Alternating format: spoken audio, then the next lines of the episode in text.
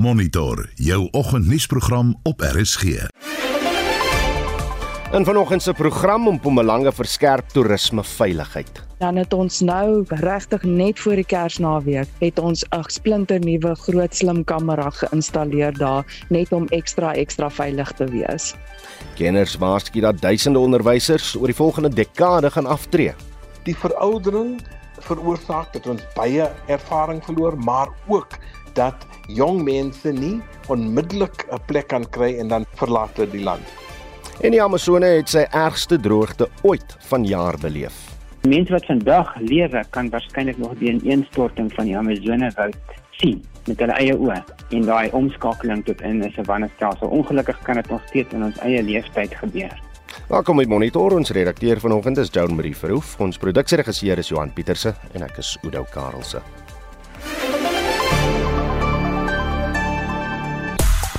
Die Protea Golfer Dean Elgar blink uit op dag 2 van die eerste toets teen Indië met sy internasionale uittrede wat nader kruip en die DStv Premier Liga wedstryd tussen Mamelodi Sundowns en Morocco Swallows word uitgestel. Ek is Shaun Schuster vir RSG Sport. Die gewilde TVCP sewende laan het eergisteraand na 23 jaar tot 'n einde gekom. Ons wil by jou weet, wie was jou gunsteling karakter en hoekom?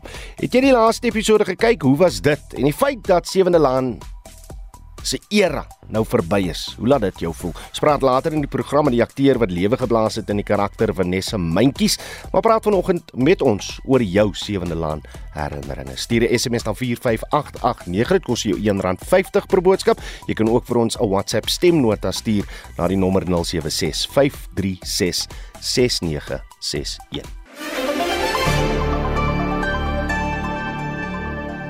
Dis byna 9 minute oor 6. Die onafhanklike verkiesingskommissie sê hy werk hard om 'n vry en regverdige verkiesing volgende jaar te verseker.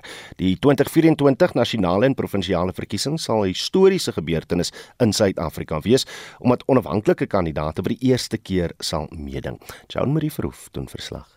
Die verkiesingskommissie wil soveel as moontlik van die meer as 26 miljoen stemgeregtigde kiesers kry om te registreer en op te daag by die stembusse. Die OVK se verkiesingshoof, Sai Mamabolo, sê hul veldtog in aanloop tot die verkiesing is gemik op die jeug.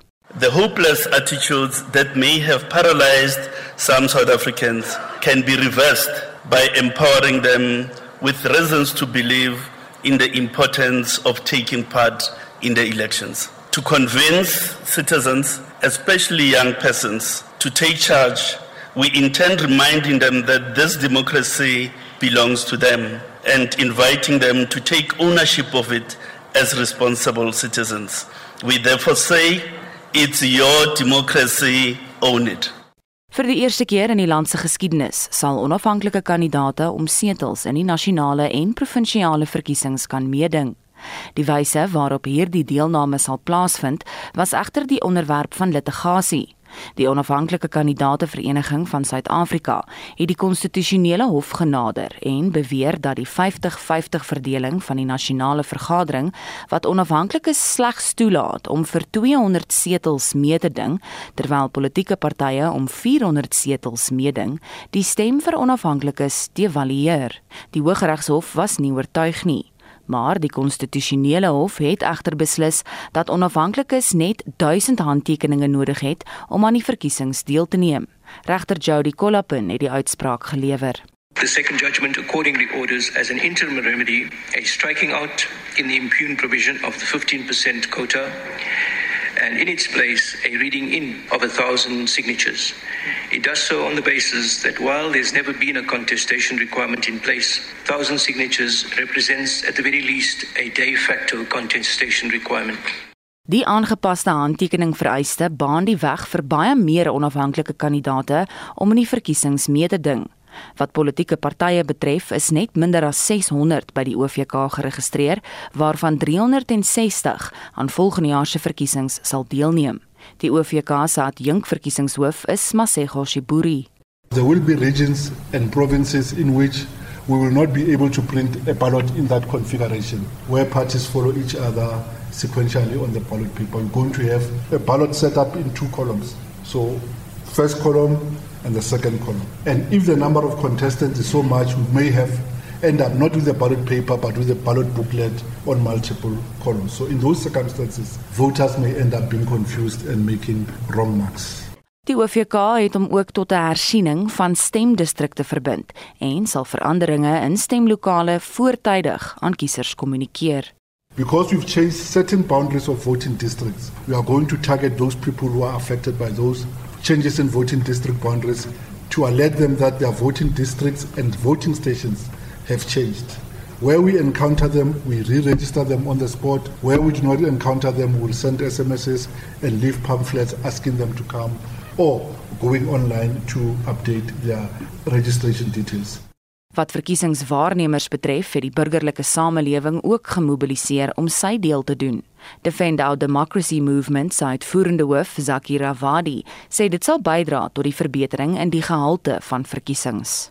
In terms of laxity previously, I think one area that we've noted from election observation work previously is that election observers are given a book to tick off did the voting station open on time were ballot boxes closed at the end of the day and sealed. And that information is collated a month later after the elections and sent to the IEC really for reviewing the next election. What's the different factor in this particular campaign is that where there is internet connectivity it's almost immediate. And where there isn't internet connectivity at least within the next few hours if you can get back to your civil society office or you can go to a public library where there may be wi Wi-Fi for instance, we were able to feed that information in almost immediately. Navorsing deur die Raad vir Geesteswetenskaplike Navorsing oor Suid-Afrika se demokrasie toon dat landsburgers toenemend ontevrede is. Die jeug is geen uitsondering nie. Volgens die navorsing is jong mense ontnugter deur die swak prestasie van die regering. Ten spyte hiervan sê die navorser Samela Mtingzane, is daar hoop. There are two silver linings here. The first is that there is a persistent belief in the importance of voting amongst many youth in our country. Remember, we said close to 60% of our sample said, I do believe that we should vote, but I will not vote anyway. And it's the reasons we just cited across our study right now. And yeah, a sizable minority they still believe it is the duty of us to vote. So the youth want to vote, but they are dissatisfied by various reasons when it comes to democracy and our governance. Die tweede en laaste registrasie naweek vir kiesers is op 3 en 4 Februarie 2024. President Cyril Ramaphosa moet nog 'n amptelike stemdatum aankondig. Die verwagting is dat dit iewers tussen Mei en Augustus volgende jaar sal plaasvind. Die verslag van Bosie Chimombe van ons politieke redaksie. Ek is Jean Marie Verhoef vir SAK nuus.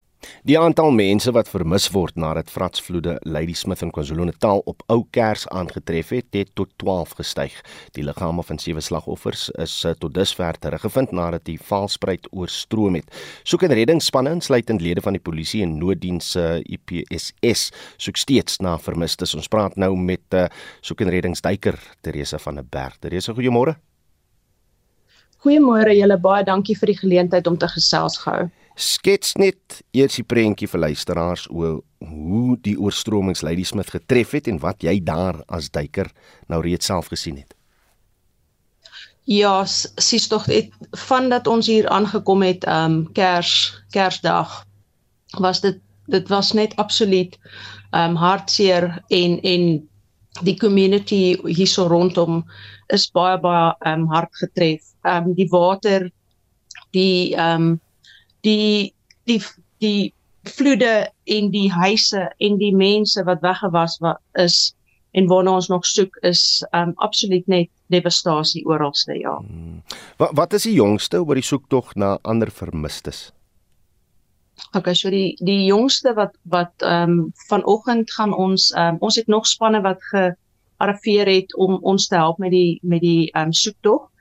Um ons werk saam met SAP se K9 um units en ook SAP en en mense wat net kom van oral um om te kom help met die soektog vandag om omrede ons nog niemand weer gevind het na die sewe wat gevind is nie. Hmm. Um het ons um het ons meer mense nodig om die soektog te doen en die en die kondisies is verskriklik nog steeds.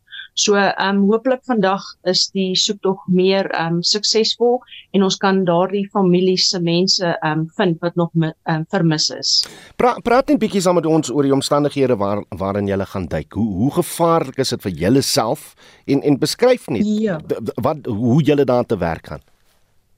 Ja, so ehm um, die die eerste paar ehm um, dae van die die soektog ehm um, was die die omstandighede ehm um, baie baie gevaarlik omrede die water ehm um, levels was verskriklik hoog nog. Ons was baie gelukkig om om gister bietjie minder reën te ehm um, te ervaar hier so in Ladysmith en ehm um, die water ehm um, levels het so bietjie ge, gesak. Ons ehm um, hoop om vandag beter kondisies te hê. So die die ons is binne in die riviere Die riviere loop verskriklik vinnig nog ongelukkig. So dit maak dit baie gevaarlik vir ons ehm um, duikers en mense om te te soek in die riviere, maar dit is wat ons doen en ons ons kry ehm um, ook oproepe van mense wat wat van die community wat sê hulle hulle dink hulle sien 'n 'n 'n 'n liggaam of iets hmm. en ons obviously gaan kyk na al daardie areas en ehm um, die dis net ehm um, die water levels op die oomblik maak dit net baie gevaarliker vir ons maar ons het die die mankrag om dit te doen. Hmm. Dit is dit moet seker emosioneel baie moeilik wees as familielede daar waar julle werk aankom net om te sien hoe julle vorder of mm. julle dalk van hulle familielede uh 'n lyke of of selfs mense wat nog lewe uh, uh, uh kan mm. kry. Ja, sies tog dit is actually Ehm um, soos wat ons nou praat, kry ek net soos hoendervleis want ons is ehm um, die die community is is die heeltyd daar rond om te sien of ons net dalk dalk 'n bietjie geluk gekry het om en en obviously gaan hulle hoop om om hulle liefde geliefdes nog lewendig te vind hmm. which ehm um, kyk dis nie onmoontlik nie ehm um, maar hulle doen hulle wil net help en hulle wil net sien of ons iemand gekry het maar ongelukkig het ons nog niemand gekry ehm um, die laaste dag en 'n half nie. Hmm. Dit wat in Lady Smith gebeur het was 'n uh, 'n frats oorstroming, die uh, watervlak het vinnig daar gestyg. Ek sien die die hmm. reën wat wat uh, reg oor Suid-Afrika val, uh, daai vlak is nog hoog. Het jy het jy raad en inwoners vir wanneer 'n gebied ja. skielik baie reën ontvang? Ja, kyk ons ons vermoed dat dit nog nog gaan ehm um, reën die kant. So die die probleem met dit is die die die grond is nog baie nat. Mm. So sodra daar 'n bietjie reën val, gaan dit baie vinnig weer um, kan oorspoel. So ons ons raai mense net aan wat dalk nog langs die riviere afbly en wat um, naby die rivier area bly om as daar warnings uitgegee word, waarskuwings uitgegee word dat hulle asseblief net en ek weet dit is moeilik vir mense om net hulle huise te los maar vir jouself en vir jou familie se se veiligheid as hulle dan net na mense of familie toe kan gaan hmm. waar dit bietjie meer verder wyd is van daardie areas wat so so maklik ehm um, vloei. Ek weet dit is 'n moeilike vraag om te beantwoord, maar maar hoe lank dink jy gaan julle soek en reddingsoperasie nog voortduur daar in Ladysmith?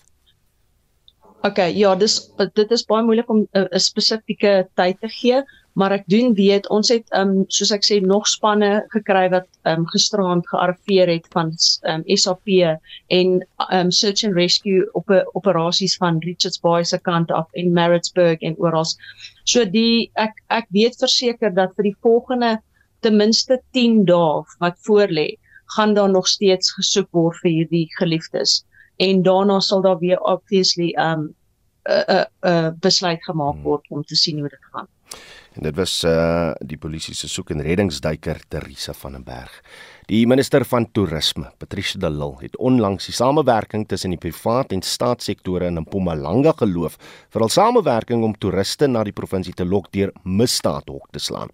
Die woordvoerder vir die Laagveldse Sakekamer, Linde Grimbeek, het die konteks vir Anita Visser geskets. Dit is absoluut noodsaaklik. Veiligheid is ons almal se probleem. Ons moet saamwerk. So hoe dit werk is natuurlik gaan ons moet befondsing deel. Wie ook al bietjie fondse in die kitty kan ingooi is belangrik en ons het dit nou al gedoen van privaat sektor van regeringsinstansies soos die munisipaliteite, soos die parkeraad wat ook manskappe ingebring het, die CPFs wat betrokke is. Daar is net 'n hele klomp goed meer.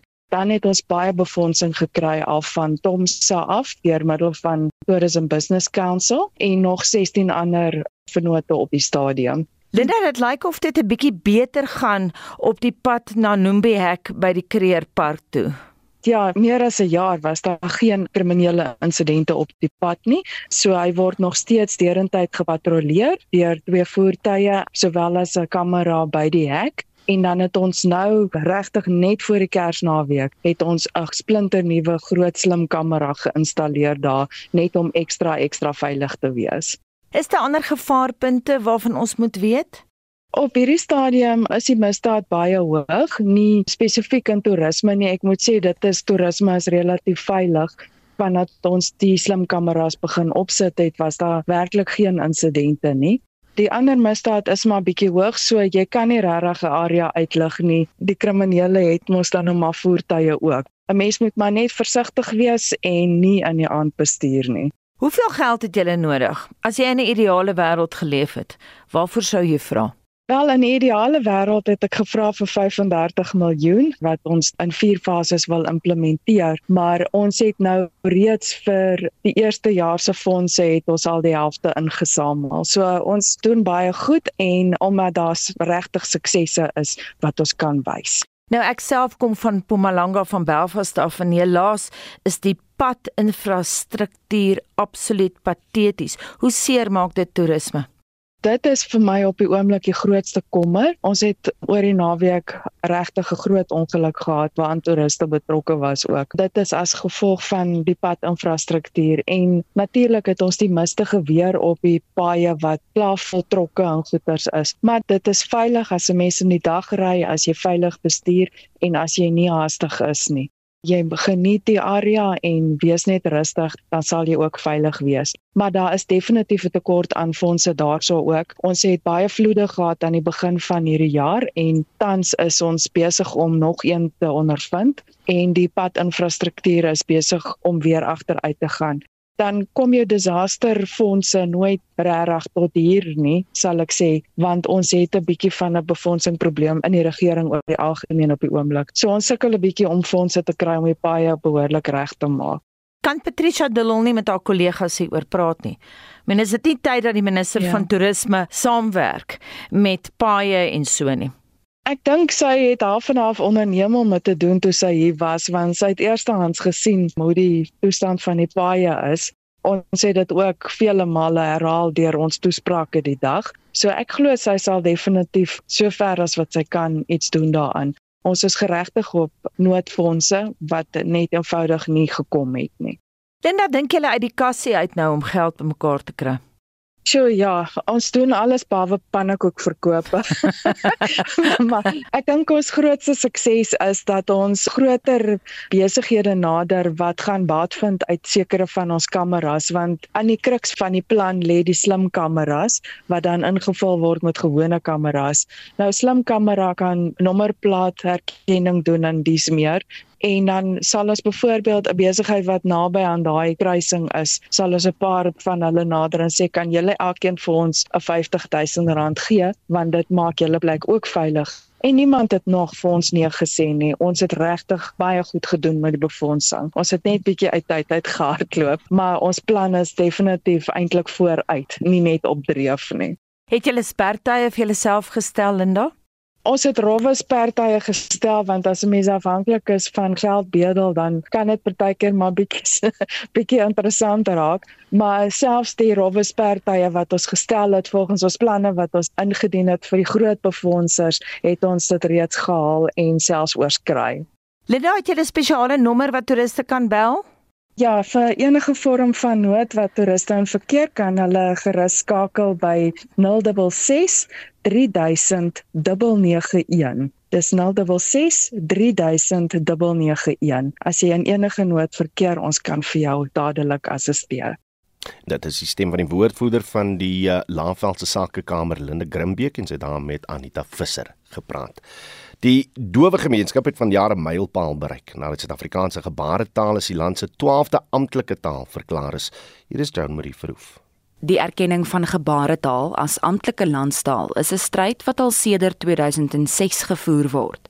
En in Mei vanjaar het die nasionale vergadering 'n wysiging aan artikel 6 van die grondwet goedgekeur om die stap moontlik te maak. Die voorsitter, Cedric Fralik, The result is as follows. There's 306 members who have now voted in favor. There's no abstentions and no one voted against. As the required majority has been obtained in terms of section 74 subsection 2 of the constitution, the bill has been passed. Daarna het die Nasionale Raad van Provinsies dit aanvaar en president Cyril Ramaphosa het dit finaal bekragtig. Die ANC LP Wilma Nieuwou Droegen is gehoor gestremd. Sy was verheug deur die stap. We actually just needed 267, two thirds, and we passed it with such a huge number. So we'd like to thank all the political parties who supported us, unanimously passed the bill. You know, the deaf community marched in 2006 in all the provinces. I'd like to thank all the people who were involved in the march. Hansel has given us support, Department of Arts and Culture has given us support. The Department of Basic Education is already implementing South African Sign Language, the home language. So there are many role players. There are many role players, not just Parliament, but outside of Parliament. So really want to thank them all. Die gebaretaal wetsontwerp is tydens 'n seremonie by die Uniegebou in Pretoria onderteken, waar Ramaphosa onder meer die behoefte aan meer gebaretaal tolke beklemtoon het.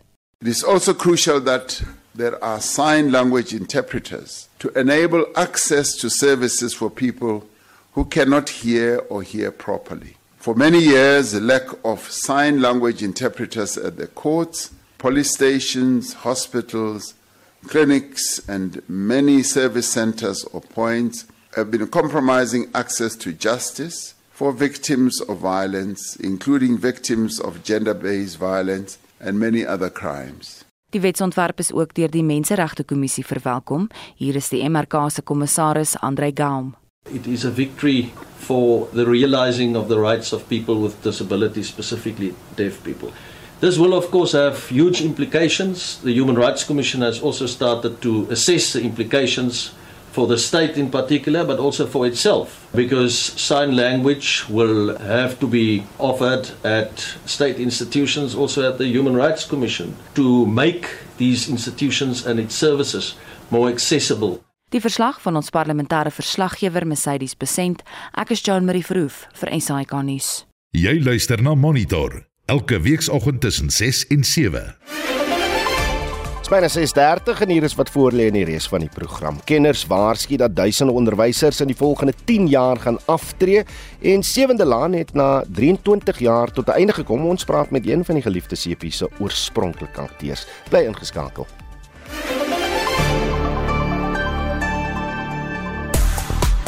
En so gepraat van Sewende Laan, vra ons vanoggend uh, vir jou of uh, jy 'n gunsteling karakter op Sewende Laan gehad het en hoekom?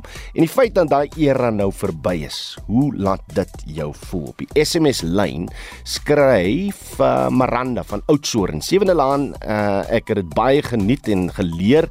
Jy het baie geleer oor veiligheid waar jy nie sommer alleen beweeg nie, menseverhouding, uh, verdraagsaamheid, liefde gee, omgee vir mekaar, deel met mekaar uh se lief en leed uh, wat baie belangrik is. Ja, my hart sê sy is baie seer. Ek het beter gevoel na 'n rowwe dag as ek dit gekyk het. Dankie vir daai boodskap Miranda. Uh Johan van Pretoria het 'n interessante idee. Hy sê nou dat Sewende Laan verby is, iemand moet miskien dan 'n storieboek van Sewende Laan skryf, dan het ons ten minste Sewende Laan in ons huise. Hm, nie slegte idee nie. Spring aan die werk, Johan dan maak ons hom 'n werklikheid. Reg, nog van julle boodskappe laat weet en nou onthou ons praat net so 'n bietjie later in die program met die uh, akteur wat uh, lewe geblaas het in die karakter Vanessa Mentjies oor haar ervaring oor die afgelope 23 jaar. Maar laat weet hoe jy daaroor voel stuur vir ons 'n SMS na die nommer 45889 dit kos jou R1.50 per SMS of jy kan vir ons 'n WhatsApp stemnota stuur na 076 536 6961. Shaun Jooste, weer slaggereed met die jongste sport môre Shaun. Goeiemôre Oudo. Kom ons begin met cricket en die Protea aanvangskolwer Dien Algeris. Uh, hy is vasbeslote om sy laaste twee toetse vir Suid-Afrika in styl af te sluit en uh, hy begin met 'n fantastiese honderdtal. Ja, Elder staan op 140 nie uit nie en die Proteas op dag 256 vir 5 geld en uh, dit is sy 1400 tal. Wat 'n brood nodig een vir die Proteas en dien natuurlik daardie onoorwonde tuis rekord teen India wil bou en uh, David Bedingham ook baie goed gevaar in sy debuuttoets uh, 56 lopies aangeteken. Die besoekers natuurlik uh, vir 245 uitgebal so in Afrika te voorsprong van 11 lopies en uh, ek dink ons sal miskien moet mik vir so minstens 350 lopies. Uh, want as weet natuurlik uh, die vierde beurt gaan die Kolfstad baie baie moeilik wees hmm. vir die uh, vir die Kolwers. En dan het die tweede vierdag wedstryd tussen die twee lande se aanspanne ook op Willem Park in Benoni begin. Nou gister was eintlik dag 2. Die eerste dag is afgedag en Suid-Afrika staan op 164 vir 7 nadat hulle ingestuur is in die eerste golf. Dis ook dag 3 van die tweede toets in Melbourne tussen Australië en Pakistan. Ja, Pakistan het vanoggend vir 264 en hulle eerste beurt uitgebal, so dit gee Australië 'n voorsprong van 54 lopies en uh, so kort rukkie gelede het die Aussies op 93 vir 4 in hulle tweede beurt gestaan, so klein bietjie in moeilikheid. En dan in die plaaslike vierdag reeks wedstryd op Boland Park in die Parel staan die Rocks op 25 vir 2 en antwoord op uh, die WP se eerste beurtelling van 355 lopies. Na sokker te sien vir die eerste keer in byna 30 jaar kon 'n DStv Premier Liga wedstryd nie nagekom word nie. Ja, die laaste keer was in 1994 toe Royal Tigers hulle wedstryd teen Hellenic wen van Krotskap en kon nakom nie. En Rocker Swallows is die keer die skuldige party. Nou volgens gerugte het uh, spelers vir die laaste klompie weke nog nie betaling gekry nie. Uh, Blykbaar sal ook nie die naweek se wedstryd teen Golden Arrows kan nakom nie. Nou Swallows kan met punte aftrekking gestraf word of dalk selfs hulle Premier Liga status verloor. En uiteindelik klink dit dan asof uh, Sundowns bereid is om die wedstryd te herskeduleer. En dan het 'n paar tellings om af te sluit. In die Engelse Premier League het Everton 3-1 teen Manchester City en Brentford 4-1 teen Wolves verloor en Chelsea het Crystal Palace met 2-1 geklop. En dan vanaand half 10 speel Brighton en Hove Albion teen Tottenham Hotspur en kwart oor 10 Arsenal teen West Ham United word uh, twee goeie wedstryde te wees. En dit was ons Shaun Jooste met vanoggend se sport op monitor.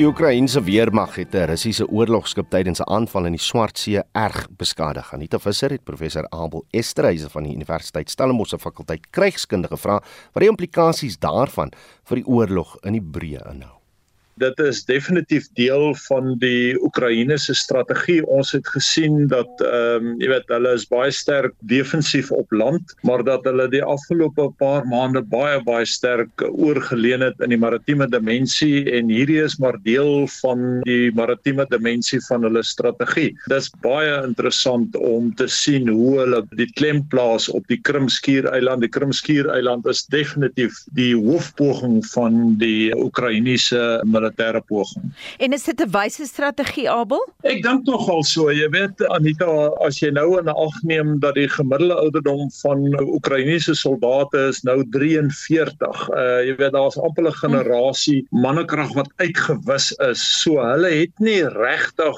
die vermoë om baie sterk op land te figureer wat uit en uit 'n personeelgedrewe strategie vereis nie. So ek dink nog al dis 'n baie wyse manier om die oorlog oorlog aan te pak en hulle het baie baie sterk uh, of goeie suksesse gehad in die maritieme dimensie die afgelope paar maande tewens die Oekraïense offensief 'n someroffensief het eintlik in sy totaliteit in die maritieme dimensie uitgespeel. Wat die Russiese oorlogskip aanbetref, hoekom hierdie spesifieke een? Ek sien die BBC spekuleer dat die skip Iranees vervaardigde Shahed hommeltuie vervoer het. Wat dink jy? Dit aan die een kant is baie belangrik uh, want die dronifikasie van die oorlog het 'n belangrike element van Rusland se strategie nou geword. Jy weet, ons sit met 'n oor en weer strategiese bombardering deur Rusland in die Oekraïne en Rusland het die afgelope maande baie sterk uh, oorgeleen na die groter dronifikasie van die oorlog. Dit is eintlik 'n reaksie op die Oekraïne se gebruik van en suksesvolle gebruik van drone. Maar ek dink jy weet, hierdie is 'n see landingsskip Anita. Indien Rusland enigsins daaraan dink om met 'n omvleelingspoging op see te kom deur 'n seelanding uit te voer agter die Oekraïense verdedigingslyne, is hierdie skip van deurslaggewende belang en dit ontneem Rusland eintlik van 'n baie baie belangrike strategiese vermoë en dit is om 'n seelandingsoperasie te kan uitvoer. Abel Oekraïne sukkel met hulle eie probleme. Daar's minder westerse steun vir hulle. Ja, ek dink 'n mens moet erkenning gee aan die feit dat daar 'n bepaalde mate van oorlogsmoegheid besig om in te tree. Ek dink Zelensky is toenemend onder druk. Maar jy weet Anita dan ook, hulle het geen keuse om die oorlog voort te gaan nie. Hulle het eintlik nie 'n ander keuse hier nie.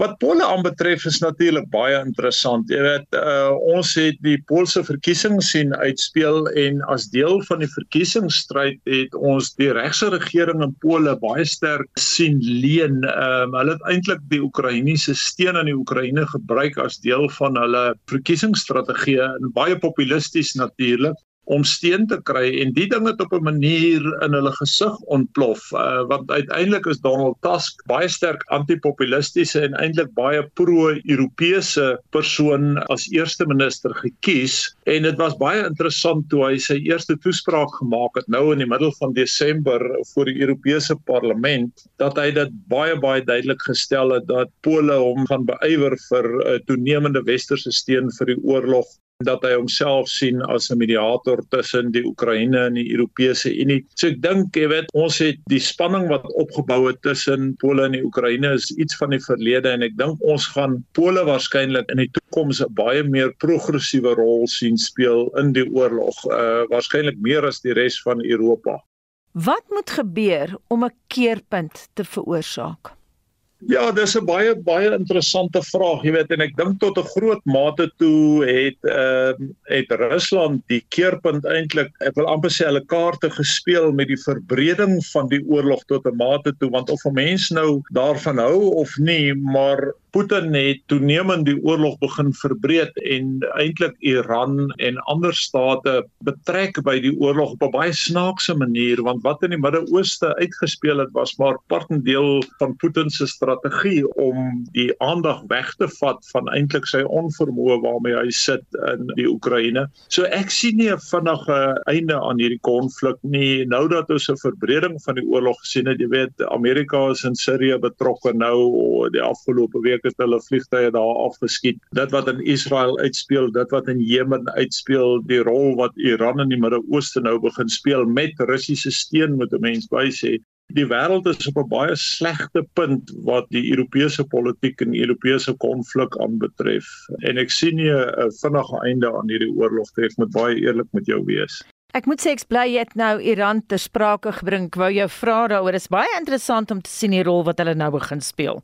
Ja, ek dink jy weet dat dit ook maar te doen met die dinamika van die Midde-Ooste Anita. Jy weet uh, hier is 'n baie baie baie sterk eintlik 'n breek wat in die Midde-Ooste aan die ontwikkel is. Aan die een kant die Arabiese Sunni Moslem groepering en amper die Persiese Shiite Moslem beweging en as jy sien die negatiewe rol wat Iran speel in Jemen in Gaza, in Sirië, dan moet 'n mens en selfs sy steun uh, in die noorde van Israel Ons sit hier met Iran wat 'n baie baie destruktiewe rol vervul in die Midde-Ooste op die oomblik en die Arabiere, die Shiite in die algemeen is baie baie ongemaklik met Iran se rol en dis hoekom ons gesien het dat die Arabiese wêreld het nie uh, baie sterk gereageer in Israel se uh, volgehoue pogings in Gaza nie. Hulle het eintlik 'n baie gematigde gereageer in hoe Israel in Gaza ingegaan het, meer as eintlik die westerse wêreld. So hier is 'n baie interessante dinamika wat besig is om te ontvou in die Midde-Ooste.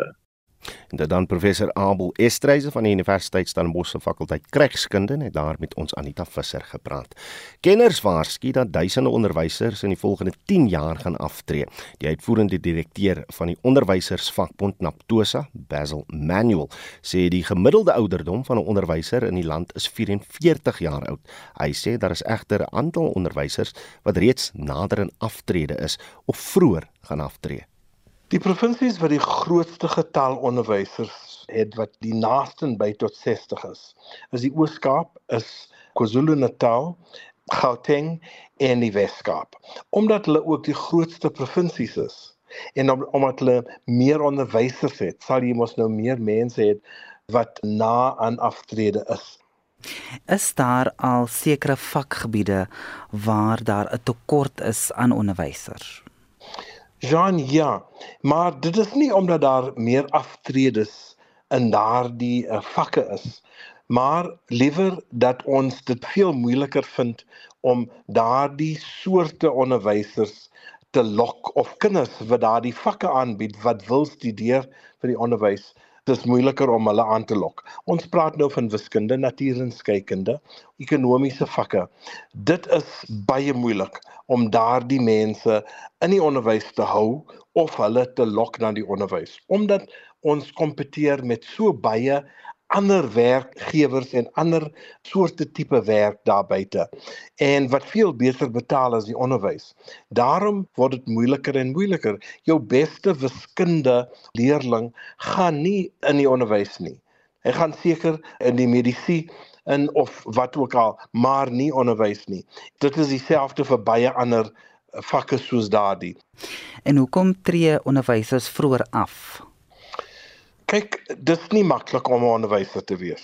As jy nou in 'n skool onderrig wat moeilik is, waar daar geweld is in die strate, waar daar ouers is wat nie die skool ondersteun en so voort, dan sal jy sien dat baie mense sommer uitgebrand voel en daarom wil hulle vroeg aftree. Nou vroeg aftrede is voor 60 jaar. Van van 60 jaar na 65 kan jy mos enige tyd aftree.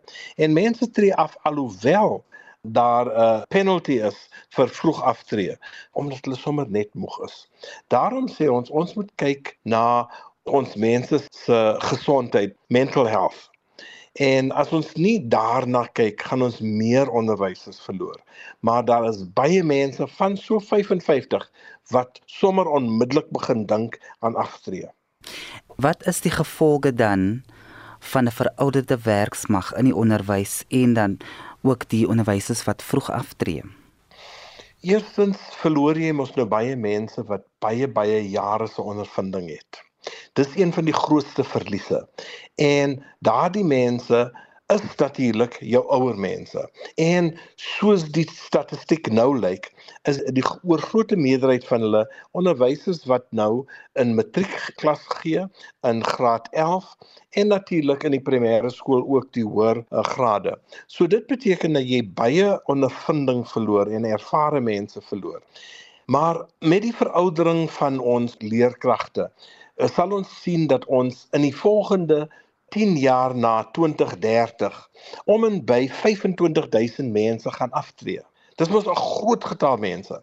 Maar die groot vraag is, uh, lei ons genoeg mense op?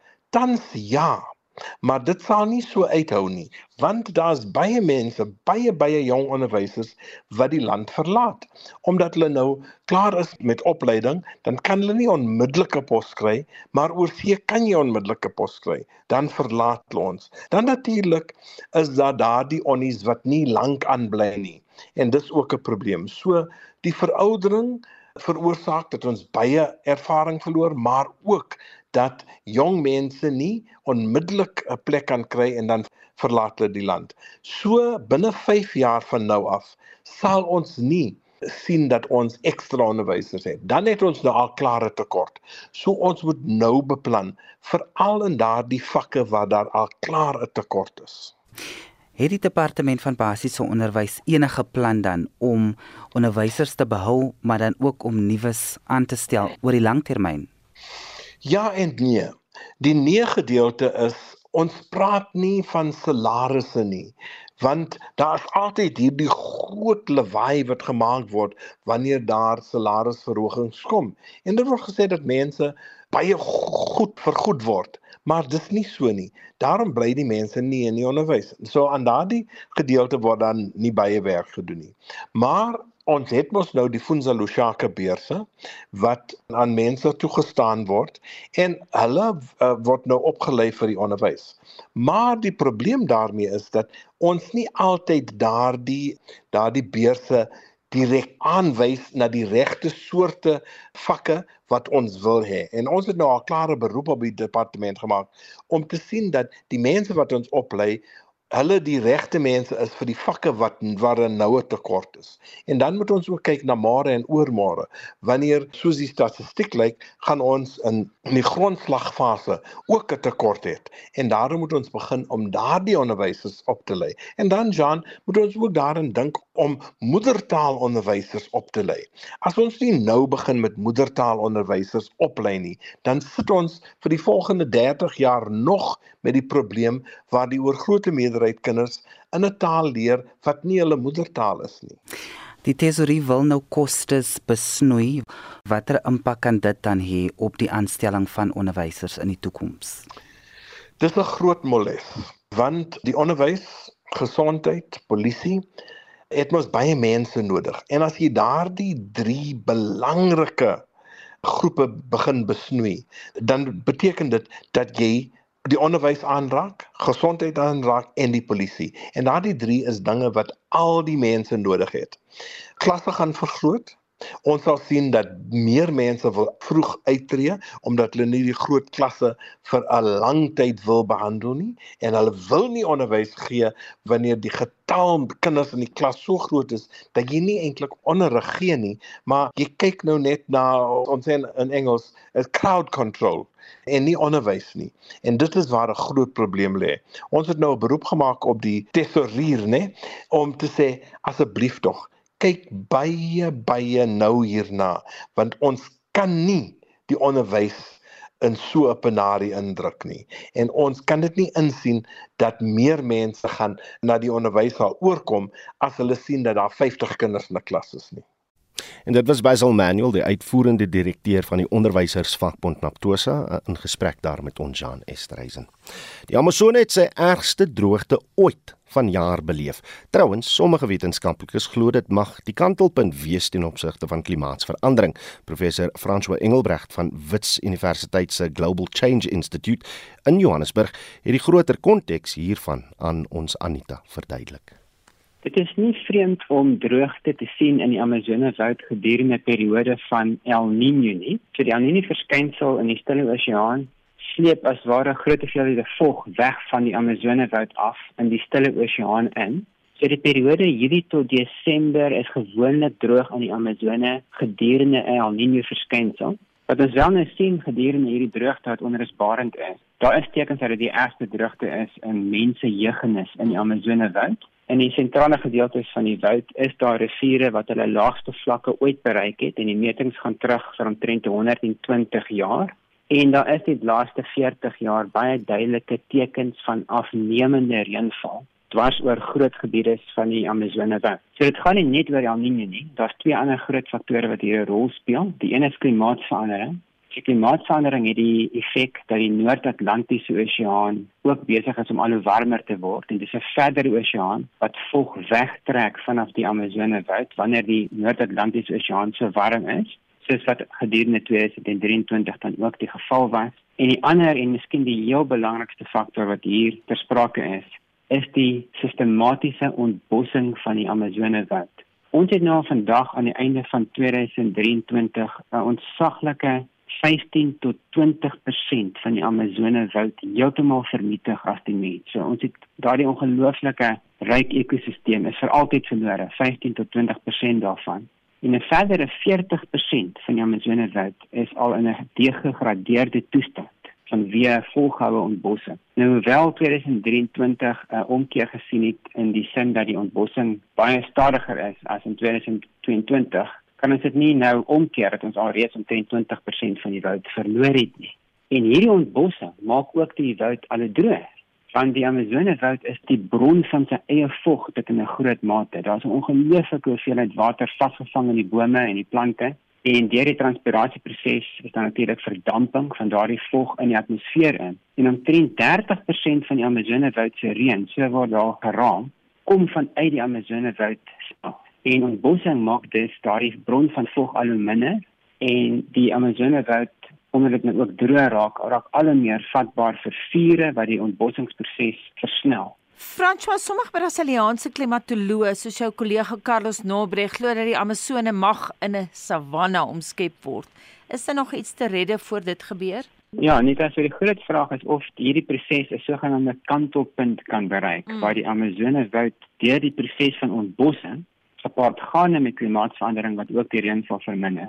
Daai punt kan bereik waar die reënwoud omskakel in heeltemal 'n nuwe ekosisteem, naamlik 'n savannestelsel soos wat ons het hier in Suider-Afrika, so 'n mengsel van bome wat baie eiler groei as in 'n woud, gemeng met groot grasvelde. Dit is ongelooflik om te dink dat 'n reënwoud dalk kan omskakel tot 'n heeltemal ander ekosisteem, naamlik die savanne. En die huidige raming van die Brasiliaanse wetenskaplike Carlos Nobre en sy kollegas is dat ontbossing van omtrent 20 tot 25% van die Amazone woud gepaard gaande met globale verwarming en klimaatsverandering van so omtrent 2 tot 2.5 grade Celsius uh, in terme van globale verwarming is genoeg vir daardie kantelpunt om bereik te word. En dit beteken dan dat die droogtes gaan so gereeld voorkom en temperature gaan soveel hoër wees met meer gereelde vure in die Amazone dat 'n reënwoudstelsel nie langer onderhou kan word deur die klimaat nie, maar dat die stelsel eerder geneig gaan wees om die vorm van 'n savanne aan te neem. En wanneer gaan dit gebeur?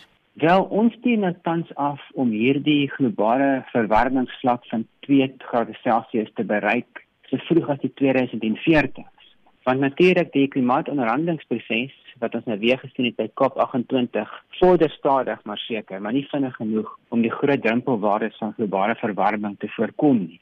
So die 1.5 grade Celsius vlak van globale verwarming, dit wag waarskynlik vir ons in die vroeë 2030. Dit blyk nie of daar enigstens meer 'n manier is om dit te vermy nie. En as die lande nie meer aangrypend kweekhuisgasemissies gaan verminder nie, spesifiek koolstofdioksied emissies, wag die 2 grade Celsius vlak van globale verwarming vir ons iewers in die 2040 en die 2.5 grade vlak iewers in die 2050 of 60. So mense wat vandag lewe kan waarskynlik nog die ineenstorting van die Amazone woud sien met hulle eie oë en daai omskakeling tot in 'n savannestelsel. Ongelukkig kan dit nog steeds in ons eie lewenstyd gebeur. En dit was professor François Engelbrecht van Wits Universiteit se Global Change Institute. Die sewende land se bekende kenwysie het Dinsdag vir Oulaas gespeel en die span het na 23 jaar op die kassie hulle buiging gemaak. Ons praat nou met die aktrise Ingrid Paulus wat die rol van Vanessa vertolk het. Ingrid, goeiemôre. Goeiemôre, hoe gaan dit? Nee, goed man, en dankie dat jy so vroeg vir ons uh, opgestaan het vanoggend. uh, uh, kom ons begin. Jy, jy was 23 jaar oud toe jy vir die eerste keer lewe in Vanessa Mentjies as karakter ingeblaas het. 23 jaar later word sy nou nie deur Ingrid stil gemaak nie, maar deur ander faktore. Wat maak jy dan met daai deel van jou? Want 'n karakter word deel van jou. Ja, ja, Vanessa was definitief deel van my. Ehm um, en ons lewens is min of meer dieselfde. Weet sy het groot geword, getroud. Ek het uh, getrou, kinders gekry, sy het haar eie familie gehad en dit het dieselfde met my gebeur. So hmm. baie uh, ooreenkomste. Da daar's baie gesê, baie geskryf oor hoe Sewende Laan tot 'n einde geloop het. Uh, hoe het jy dit ervaar en en hoe sou jy dit bestempel? Uh, dit was natuurlik vir my baie hartseer. Ek het gevoel ons kon nog stories vertel. Ehm um, maar is dat soos die ou saying all things come to an end, all good things come to an end. Ehm um, en dit was seker sewe land se tyd om dit klaar te maak. En ehm um, dis hartseer maar ja, ons moet aanbeweeg het julle dan kans gehad om afskeid van mekaar te neem, ordentlik afskeid van mekaar te neem? Die laaste 3 maande hmm. het ons almal gebruik om afskeid te neem van van mekaar van die plek. Ehm um, want ons is regtig soos 'n familie. Hmm.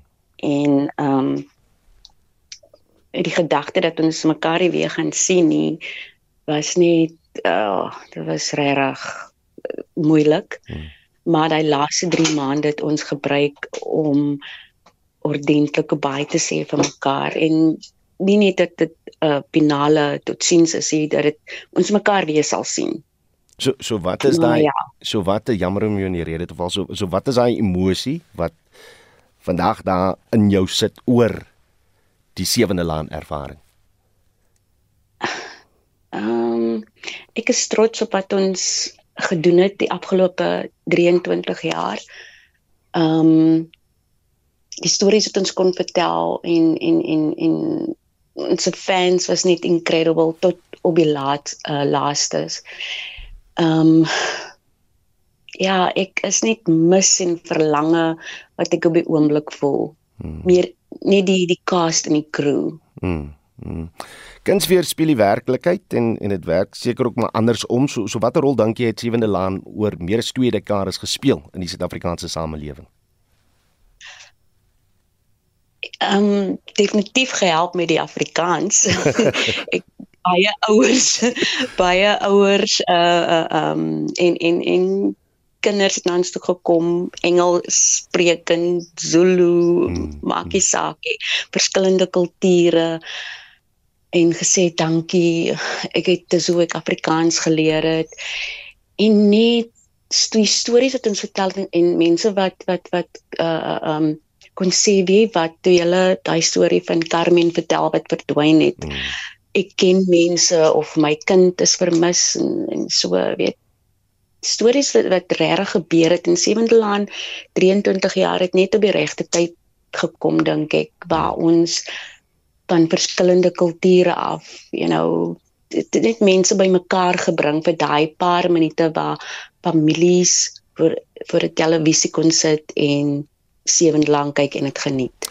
Sê vir jou baie dankie vir jou tyd vanoggend. Ek wil net 'n SMS lees waar iemand skryf: "Sewende Laan, uh, ek het baie geleer by hom en mense kan wel kritiek hê uh, en baie keer was sommige van die storielyne bietjie onrealisties, maar Dit was my afskakel na 'n besige dag by die werk elke dag en dan sê, sê hierdie persoon ek salute vir Ingrid. Sy het 'n pragtige, elegante vrou oor die jare geword. Ek wens al die akteurs net voorspoed toe. Laaste woordjie van jou kant af, wat lê voor vir jou? Wel, ons is op die oomblik nou in die Kaap. Ehm um, ek hoop om om my eie stories te vertel. Ek en my man Denver is, hmm. is nou besig uh, uh, aan ons eie, eie produksie company en ons wil graag ons eie stories vertel. Lieflik lieflik. Wel groete 'n uh, groete daar aan meneer Vraagop in die Kaap. Uh en alles alles van die beste vir jou. Baie dankie vir jou tyd hier op uh, Baie dankie. As hy Ingrid Paulus wat die rol vir 23 jaar van Vanessa Mentjies uh vertolk het. Ons groet dan namens ons uit uh, voerende regisseur Nicoline Lou ons redakteur vanoggend was Joan Marie Verhoef ons produksieregisseur was uh, Johan Pieterse en ek is Oudo Karelse. Soos môreoggend weer terug op ons pos hier op monitor tussen 6 en 7 lieflike dag vir julle almal. Totsiens